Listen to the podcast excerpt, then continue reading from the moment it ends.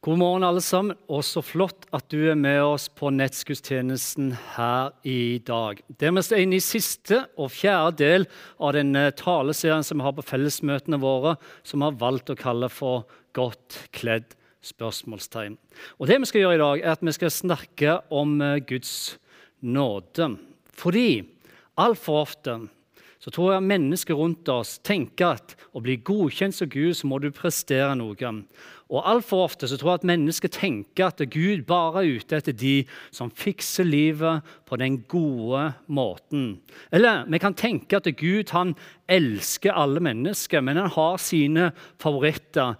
Han velsigner og gir til de som virkelig får til dette livet som man ønsker. Med andre ord, hvis prestasjonen din er god nok for Gud, og du gjør det riktige, så kan du få 100% av det som han lover deg i sitt ord. Ja, da går det rette veien for deg. Ja, Da kan du ikke bare forvente Guds godhet og Guds velsignelse. Da skal du få det du ber om. Tingen er den og uten tvil så finnes det en Guds vei. Ja, det finnes et Guds ønske for vårt liv. Det finnes en Guds plan, og det finnes en vei og en retning som Gud ønsker at vi mennesker skal være på. For det finnes et kall, og det finnes et oppdrag som er gitt til oss. Men det vi skal se i dag, og det vi skal høre i dag, er det at det handler ikke om våre prestasjoner først og fremst. Nei, det handler ikke om vi føler oss om vi er gode nok, eller om vi er på den rette vei eller ikke. Fordi Guds nåde den er slik at den er gitt til alle mennesker. Uansett hvor du er hen i livet, skal vi få motta Guds nåde. For om det virkelig er en gang om det virkelig en gang Gud leter og han søker og han drives av sin kjærlighet for å nå inn til oss mennesker, så er det nettopp der som vi snubler, som vi faller. Når vi roter til livet big time eller havner der at vi ikke klarer å tilgi oss sjøl, da kommer Guds nåde. Ja, Gud han hater synden, men han elsker oss syndere. Og Det er derfor så Salme 103, 8 sier det sånn som dette her. Barmhjertighet og nådig er Herren. Ja, sen til vrede og rik på miskunn. Og hvorfor er det slik? Jo, det er slik fordi Guds nåde har aldri vært basert på dine eller mine prestasjoner.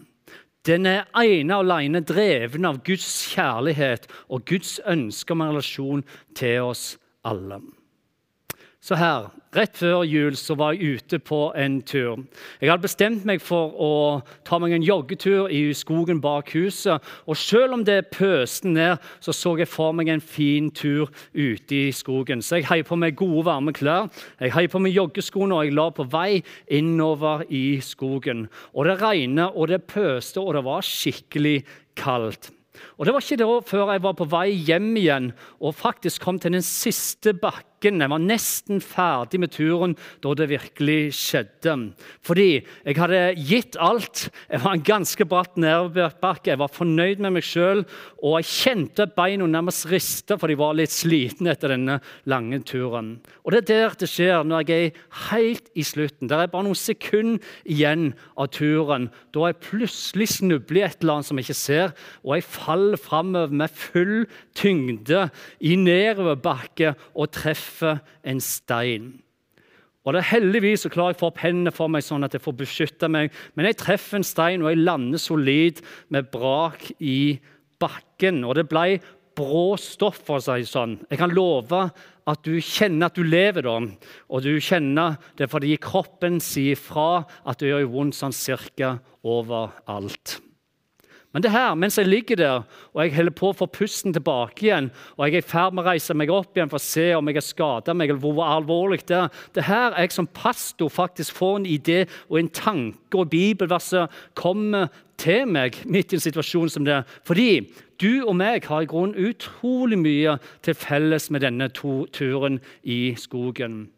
Ikke at vi alle liker å jogge, slettes ikke. Og alle liker vi ikke heller å gå i skogen, for her er vi forskjellige.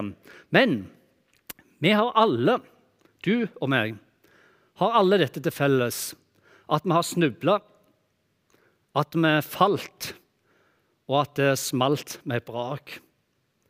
Vi snubla og falt når det kom til moral.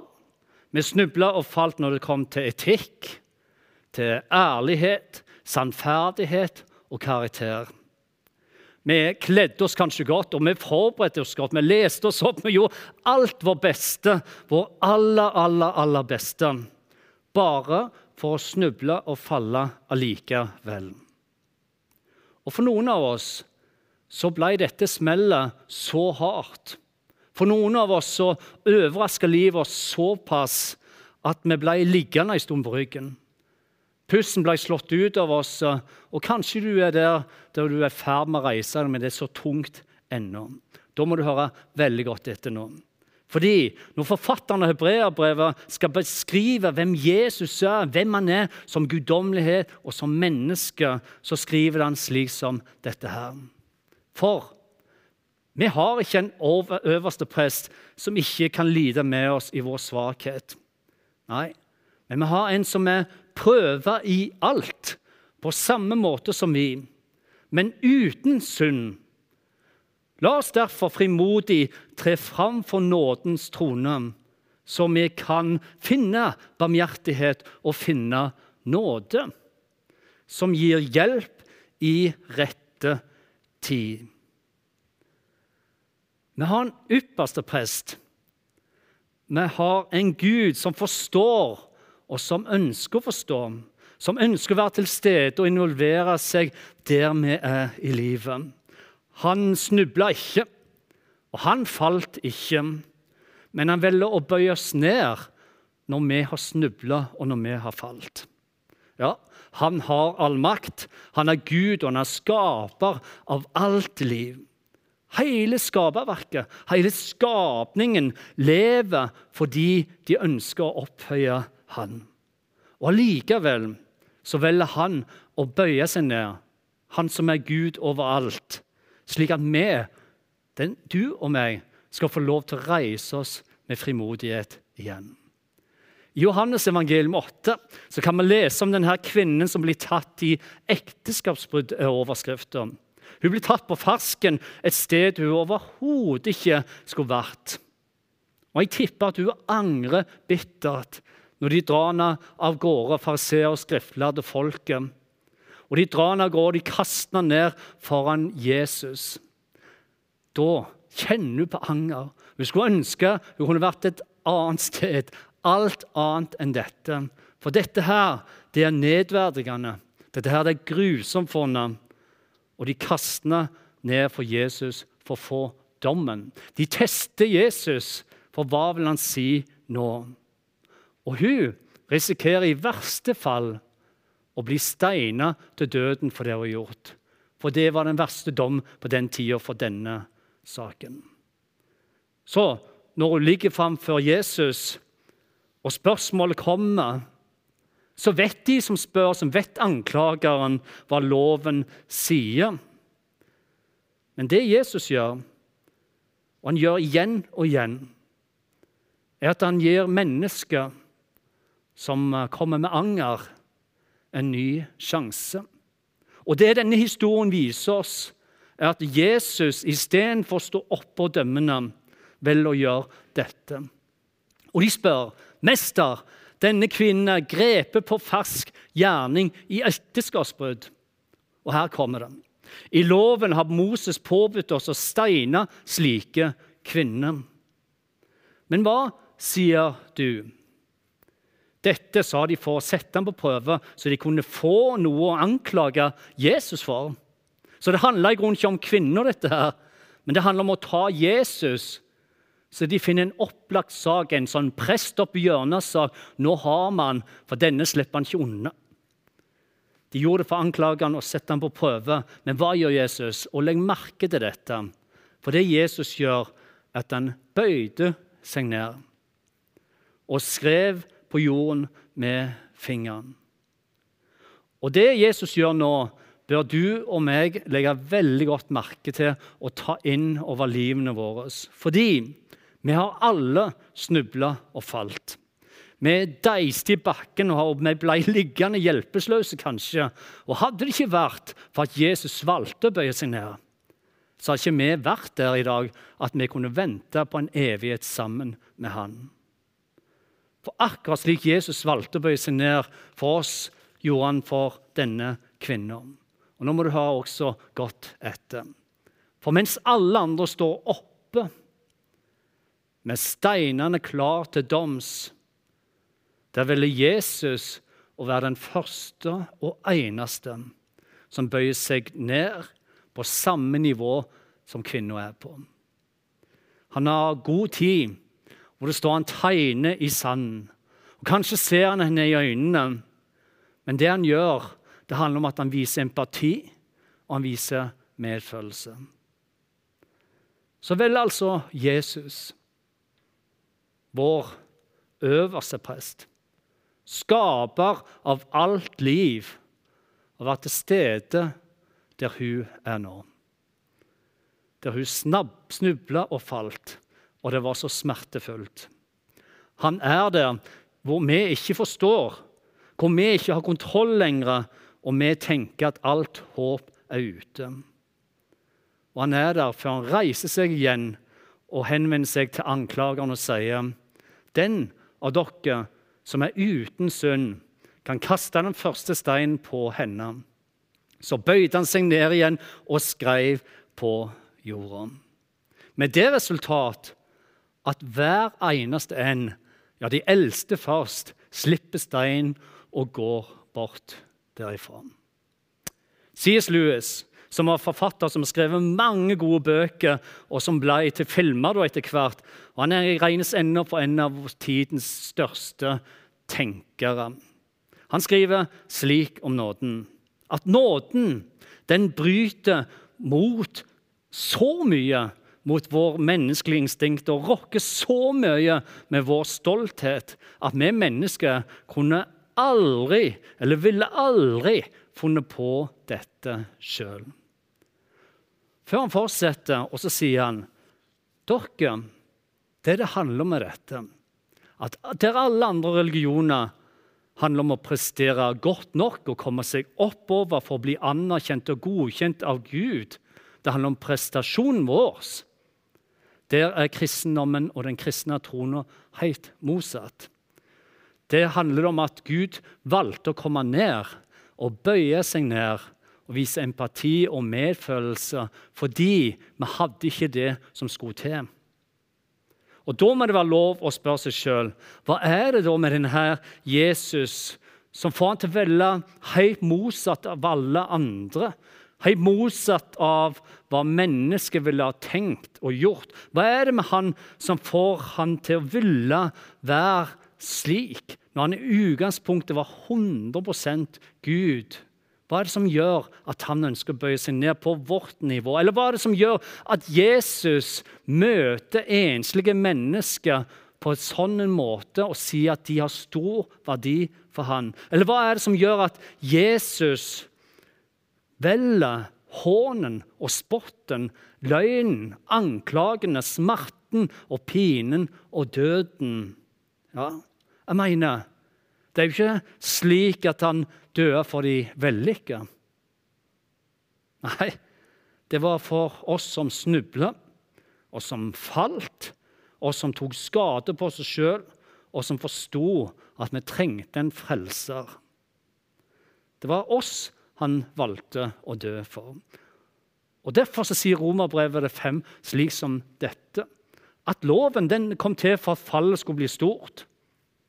Men der synden ble stor, hva skjedde der? Jo, der ble nåden enda større. For slik som synden herska gjennom døden, skal nå nåden herske gjennom rettferdigheten og gi evig liv ved Jesus Kristus, vår Herre. Og det syns jeg er fantastisk å få lov til å hvile i. Han holder ikke loven opp imot oss, Nei, han kommer med nåden til oss. Her For noen uker siden så ble vi sittende hjemme en fredagskveld for å se på dette sangprogrammet som heter The Voice. Og nå vet jeg ikke om du har sett The Voice, eller om du noen gang har vært interessert i slike sangprogram. Jeg har ikke peiling. Men hjemme hos oss er vi veldig glad i slike program. Og vi gleder oss til de skal starte. Og slik var det også denne fredagskvelden. Vi hadde spist, og vi satte oss ned i sofaen, skrudde på TV, og vi gleder oss til å se. Og Der har du kona mi Lena som sitter. Hun er veldig glad i dette. Og Vivian, datteren vår, er det. Og jeg sitter der. Og vi gleder oss til The Voice. Og her er greia. Jeg tror at Noe av grunnen til at vi elsker slike program, er at vi syns at musikk og sang er veldig veldig fint.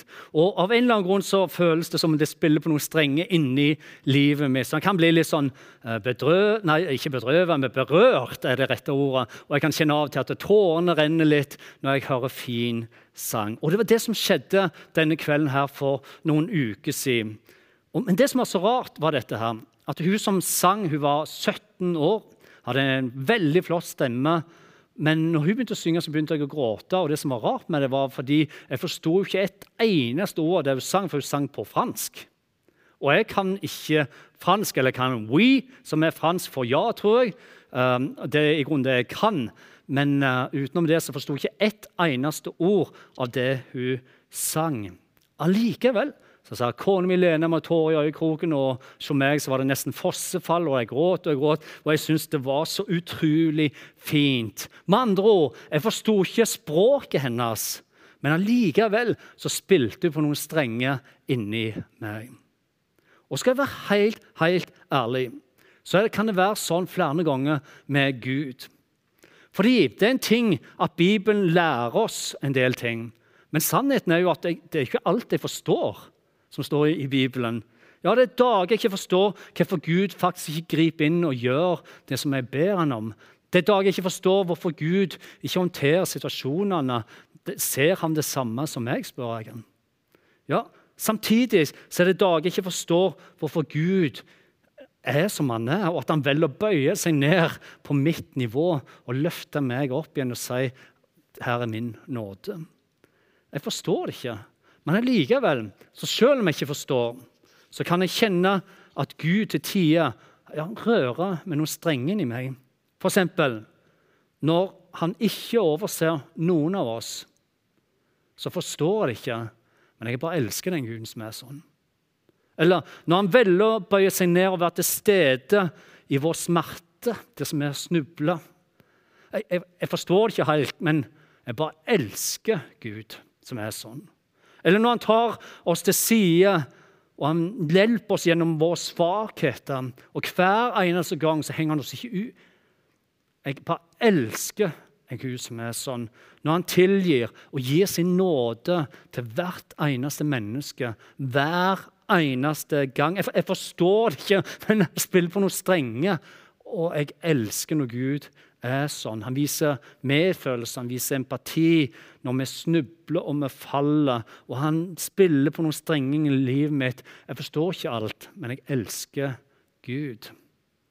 Og Kanskje det er nettopp dette som gjør at Paulus velger å skrive det slik i Kolossabrevet.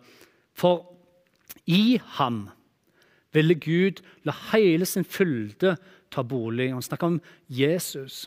Og ved ham ville Gud forsone alt med seg sjøl. Det som er på jord, og det som er i himmelen, da han skapte fred ved hans blod på korset. Ja, Jesus var 100% ren guddommelighet. Og i sin guddommelighet så valgte han å bli et menneske. Han valgte å gi rom for meg og deg i sine liv, for våre fall. Og nå vet jeg ikke det, hvordan det er med deg. Jeg har ikke peiling hvordan du har det nå i dag. Men kanskje du er en av de som kjenner på uro i disse dager. Vi er jo en pandemi, og det stopper på over et år. Kanskje du kjenner på uro og skulle ønske at det ikke var sånn. Og kanskje det er en redsel som du kjenner har festet seg i kroppen. Da vil jeg du skal vite dette her, at Jesus han kjente på din uro og kjente på redsel når han var her på jorda. Han vet hva du går gjennom. Eller kanskje du bærer på en dyp sorg. Jesus bar på en dyp sorg. Han mister kjære som han elsker høyt. Eller kanskje du er der at du er helt inni sjel og kjenner på en fortvilethet. Da vil jeg skulle vite at Jesus han gråt i fortvilelse. Ja, han, han ropte høyt i bønn. Han ropte om hjelp, og det var sårt. For han var et menneske som deg og meg. Han er prøva i alt, så han vet hva du går igjennom. Far står det. Vi har ikke en øverste prest som ikke kan lide med oss i vår svakhet. Nei, vi har en som er prøva i alt på samme måte som vi, men uten synd. Han falt ikke der vi falt, han snubla ikke der som vi snubla. Men allikevel så velger han å bøye seg ned. La oss derfor frimodig tre fram for nådens trone og ta imot, så vi kan finne barmhjertighet og finne nåde som gir hjelp i rette tid. Med andre ord så menneskelig velger Gud å være. At han kommer helt inn og helt ned, som et medmenneske, for å vise empati og medfølelse. Der vi ikke makta mer, og vi snubla for alt, der valgte han å gi nåden. Og samtidig så mektig, så stor Gud. Ja, at han triumferte over alle makt og myndigheter når han døde på korset og sto opp igjen. Han ga alle mennesker retten og muligheten til å ta imot nåden. Fordi det er han som har den makta. Det er kun han som har muligheten til det. Til å ta det som er dødt, og gi det liv. Så nå vi avslutter avslutte denne serien som vi har valgt å kalle for 'Godt kledd?' spørsmålstegn. Jeg håper at du kan kjenne det ned i dypet ditt. At godt kledd det handler ikke om å prestere noe som helst, men det handler om å ta imot det som han har gitt. At godt kledd det handler om å se seg sjøl som han ser oss. Det handler om å ta imot hans nåde og frimodig reise deg opp igjen og vite at du er elska. Vite at du har en far og en som Gud som velger å være menneske for at du skal få lov til å henge sammen med han og leve sammen med han. Ikke bare her, men inn i all evighet. Så ta imot nåden. Vit at du er en elskede barn, og at han bare ønsker det beste for deg. Han elsker deg. Godt kledd. Det handler om å ta imot og være det som han ønsker for ditt liv. Skal vi be sammen helt, helt til slutt? Takk, gode far, for din nåde så stor. Takk, Herre, for at du setter ikke merkelapper på oss. Du kom ikke for å dømme, men du kom for å frelse verden. Så takk, Herre, for din nåde så stor må du hjelpe oss, slik vi forstår og klarer å leve i at du er en god far, men også at du er en Gud som en dag skal møte oss ansikt til ansikt. Da kan det være én ting som betyr noe. Kun én ting. Og det er at vi tar imot nåden. At vi gjør deg til herre i vårt liv. Takk for du ønsker bare det beste for liv. Og takk, Herre, for du følger den enkelte av oss. Du overser oss ikke, men du er der med i livet ene alene fordi du elsker oss, og vi er dine barn. Amen.